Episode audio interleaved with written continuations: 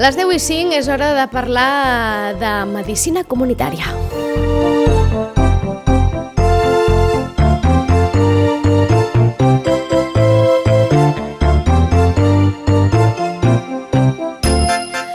Aquest espai que, com saben, fem en col·laboració amb el Centre d'Atenció Primària de Sitges i pel que, a través del qual hem anat coneixent doncs, moltes de les persones treballadors, alguns noves figures que s'han incorporat recentment al CAP i que tenen doncs, eh, d'alguna manera la tasca, la feina de eh, millorar la nostra salut, d'estar de, treballen allà per ajudar-nos, no? que la nostra salut sigui millor. Una d'aquestes recents incorporació la tenim, ens acompanya avui eh, aquí a l'estudi, ella és la Mireia Garcia. Molt bon dia, Mireia. Bon dia. Ella és dietista i nutricionista. Mm. Mm -hmm. És la dietista i nutricionista del CAP. I a alguns probablement els sorprendrà, però és que Eh, de fet, això és una campanya que va impulsar el Departament de Salut, eh, ho vam conèixer al, al febrer d'aquest mateix any, que eh, s'impulsava, doncs, es volia impulsar l'alimentació saludable des del Departament de Salut de la Generalitat i s'incorporaven 150 dietistes nutricionistes a l'atenció primària i comunitària. I entre aquestes incorporacions doncs, ha arribat eh, la Mireia Garcia al cap de Sitges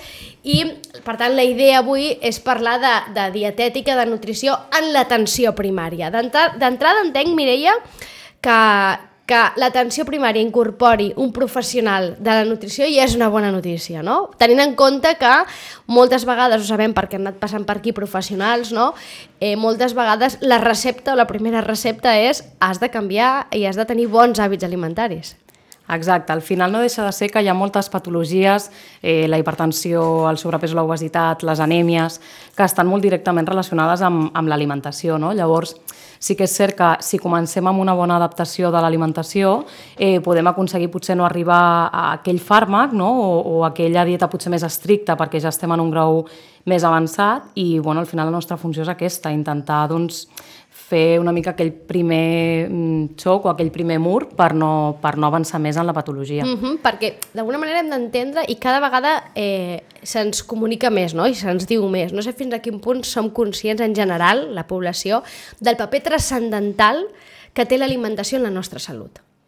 Sí, al final, mm, bueno, clar, jo suposo que, que per la meva professió, no? però penso que, que és la base eh, de la nostra salut, juntament amb molts altres factors, evidentment. L'activitat física, per exemple, també seria una base molt important. -huh. Van de la mà, no? Van Exacte, de la mà. van de la mà, uh -huh. totalment.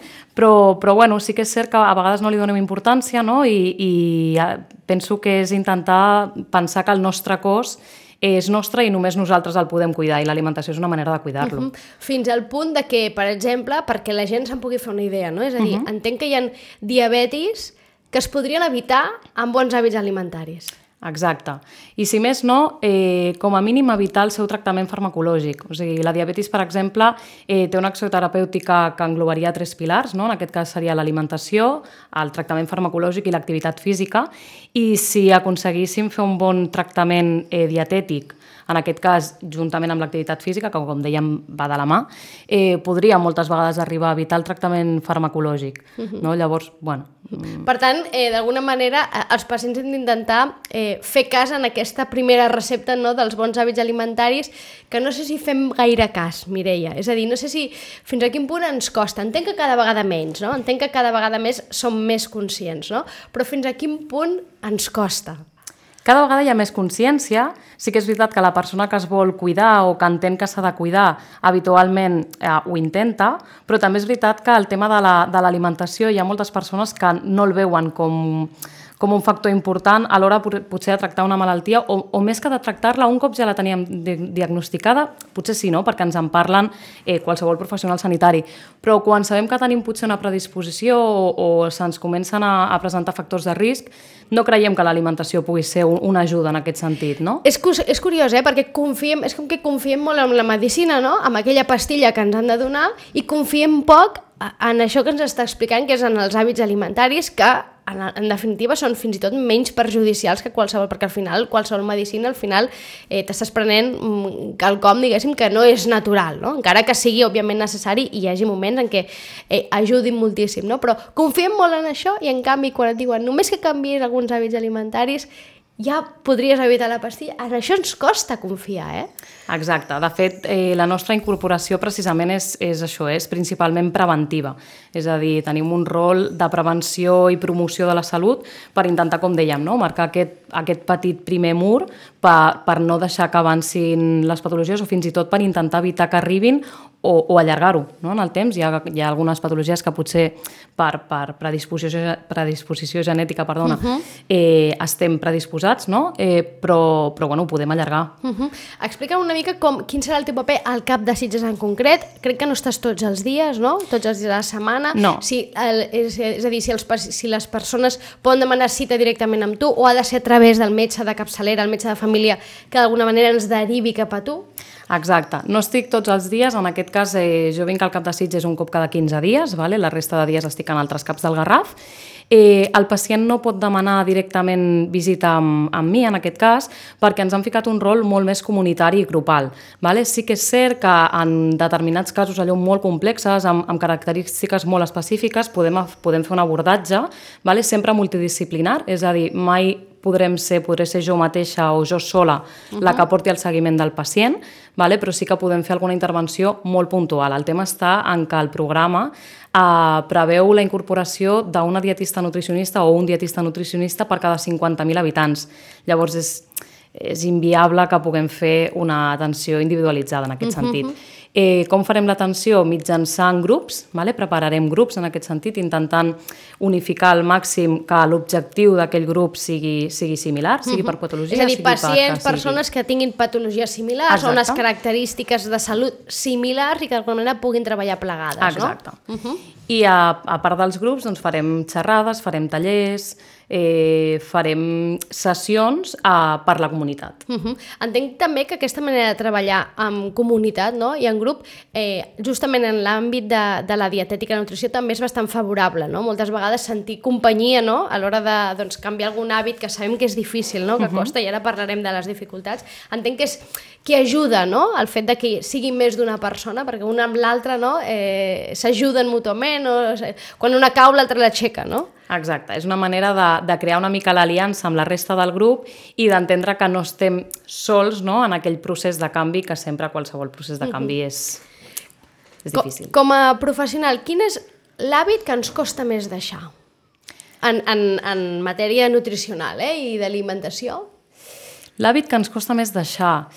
Eh, normalment és algo que portem arregat a, en el temps, el tema del sucre, per exemple, uh -huh. és una de les coses que costa molt, no? Al final, eh, el tema del sucre, o fins i tot potser més que el sucre, el dolç, no? Estem, tenim la palatabilitat acostumada molt al, al gust dolç i ens costa deshabituar-nos d'aquest gust. No? Llavors, bueno, moltes vegades sí que, precisament el que parlàvem, el diabètic deixa el sucre perquè el, els professionals sanitaris li, li, li recomana, però llavors passem a un edulcorant.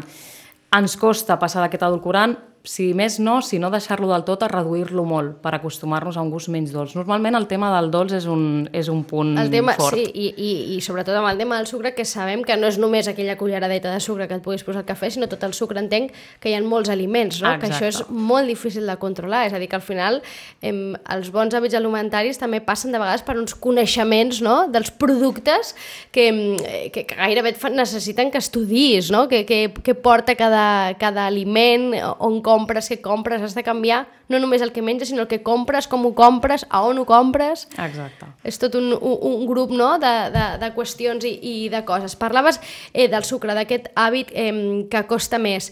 Eh, per exemple, el tema de que se'ns diu sempre, no? s'ha de menjar més verdura, més fruita, uh -huh. eh, reduir el consum de carn vermella, sobretot, no? però en, en general el consum eh, de carn. No sé això si també costa, sobretot en generacions anteriors, no? de gent més gran, on el tall no pot faltar mai a, a taula. No? És allò que encara tenien aquella consciència no? de primer plat, segon plat de tall, eh, si costa també fer entendre doncs, que es pot alimentar-se un d'una manera diferent i, i és més nutritiu i més saludable. Exacte, sí, a vegades costa una mica eh, fer entendre que pot ser un plat equilibrat igualment, eh, doncs utilitzant, per exemple, unes llegums, uns cereals, unes verdures que, que ens saciarem, que serà un plat saludable, equilibrat i que no sempre és, és necessari aquest tall, no? que, que l'hem d'incorporar, evidentment, però que també hi ha altres maneres d'incorporar la proteïna, no només la carn, sinó que tenim les llegums, tenim els ous, tenim els peixos, tenim els lactis i no sempre hem de tirar d'aquella aquell, carn que, com bé deies, abans potser era més la, el plat més típic. Sí, sí, vaja, ningú, ningú li passava pel cap no? dinar sense el tall, no? El plat de tall sempre, sempre hi era. Parlem d'obesitat i ara donaré unes, unes dades que diuen que eh, a Catalunya el problema de salut relacionat amb els hàbits alimentaris més prevalent és l'obesitat, és una tendència ascendent en els països de renda més elevada, per tant també en el nostre, Segons dades de l'enquesta de salut de Catalunya, de l'ESCA, de l'any 2020, per tant de fa no res, a Catalunya el 17% de la població entre 18 i 74 anys presenta obesitat, una tendència que a més a més eh, va a l'alça i augmenta amb l'edat. L'obesitat a més també és molt freqüent en la infància i en l'adolescència i un 11,7% de la població entre 6 i 12 anys presenta obesitat. No sé si aquest és un dels temes que més us preocupa als, als nutricionistes, als professionals, com tu, veient que sabent, a més a més, que és una tendència a l'alça, no? i tenint eh, països en els que moltes vegades ens emmirallem per moltes coses, però en aquesta probablement no ens hauríem d'emmirallar, com per exemple els Estats Units, no? on és un problema greu, molt greu. Exacte, i el problema sobretot és, eh, com bé deies, eh, que cada vegada eh, hi ha més prevalença en edats més, més baixes i, i que creixem una mica amb aquesta educació o amb aquest eh, normalitzant aquesta situació i bueno, realment també és un, de, és un dels pilars bàsics de, de les nostres funcions ara mateix, no? intentar fer aquesta prevenció, com deien, des de, des de la infància. Uh -huh. I aquí entenc que és important també no confondre que eh, eh, no estar obès no significa estar prim. És a dir, no, no és una cosa que, que de vegades no confonem, no? És a dir, no estar obès no significa necessàriament estar prim, significa no tenir obesitat, que més és una malaltia, si no tinc jo mal entès, uh -huh. multifactorial, no? És a dir, tampoc no un tria, de vegades no és només el que un menja el que fa que un tingui obesitat, no? Que això també moltes vegades genera com molta frustració a la persona que la pateix, no? Exacte. L'obesitat és una malaltia i, per desgràcia, està molt estigmatitzada. No? Al final, es, eh, moltes vegades es pensa que la, la persona amb obesitat eh, té aquesta patologia únicament per, per pel tema seva. de l'alimentació uh -huh. i exacte, per culpa seva. Llavors, en aquest sentit, hem d'intentar doncs, desestigmatitzar una mica la, la situació i fer-li entendre tant a la persona, al pacient en concret amb obesitat, com a la, a la resta de la població que, el, que que no sempre serà culpa dels seus hàbits i que si és culpa dels seus hàbits moltes vegades no és perquè per deixadesa, sinó per, per desconeixement. Uh -huh. I en el cas dels, infant, dels infants, eh, per desconeixement dels pares, tot i que hi ha molt d'amor de vegades en els pares, no? que això ho parlem, tenim una secció aquí també a la ràdio sobre eh, nutrició i, i en parlem moltes vegades. No? És, òbviament, quan tu li dones qualsevol cosa de menjar al teu fill, li dones amb tot l'amor del món, encara que allò que li estiguis donant no sigui beneficiós. No? És a dir, treure una mica aquesta etiqueta no? de, de, de, de que com si volguessis mal a algú i òbviament no és així, no? La infància, però preocupa entenc aquest tema en la infància. Exacte. Amb els pares jo sempre he dit que se'ls ha de parlar sempre amb molt de respecte perquè al final un pare sempre voldrà el millor pel seu fill. Per tant, eh, el que li estigui donant, en aquest cas per menjar, no serà mai pensant en que sigui algú que li pugui perjudicar, tot el contrari. Eh, potser, com dèiem, per desconeixença, li estarà donant alguna cosa perquè creurà que, doncs, bueno, com que li agrada, estarà més feliç, estarà sense pensar que també pot estar perjudicant en la seva salut. Llavors, és fer-los entendre des del màxim respecte de dir, ei, no ho estàs fent malament, però hem d'intentar fer-ho millor. Uh -huh. També tractareu eh, des del CAP casos possibles casos de necessitats dietètiques o nutricionals en infància?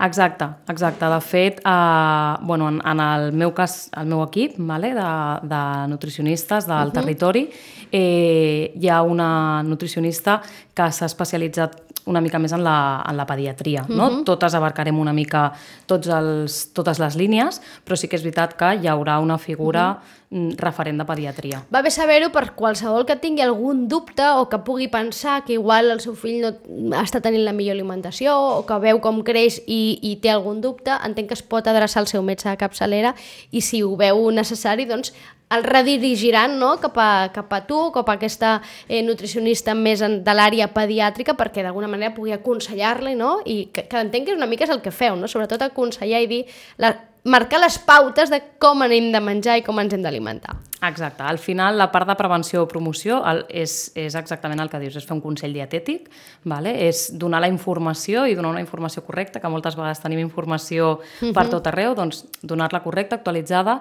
i intentar doncs, no haver d'arribar a aquell abordatge eh, posterior que serà ja quan, quan ja instaurada una patologia o com a mínim quan està iniciant. Uh -huh. I ara en aquesta època eh, de l'any, que arriba aquest moment de les dietes, i a més a més així ho enllaço amb una xerrada que, que faràs eh, tu mateixa, l'Espai Jove, una xerrada que organitza la Regidoria de Joventut, una xerrada que es titula Creus que li preocupa massa el seu cos? Parlem-ne, seiem junts a taula i alimentem-nos de forma saludable. Una xerrada que faràs amb el referent de benestar emocional comunitari, amb Jesús uh mhm. -huh. Fleta, que també va passar per aquí en el seu moment. Per tant, entenc que anem a parlar d'alimentació saludable, però en aquest cas a un públic jove, no?, que justament en aquesta època època, eh, que ens s'alleugereix la roba, no?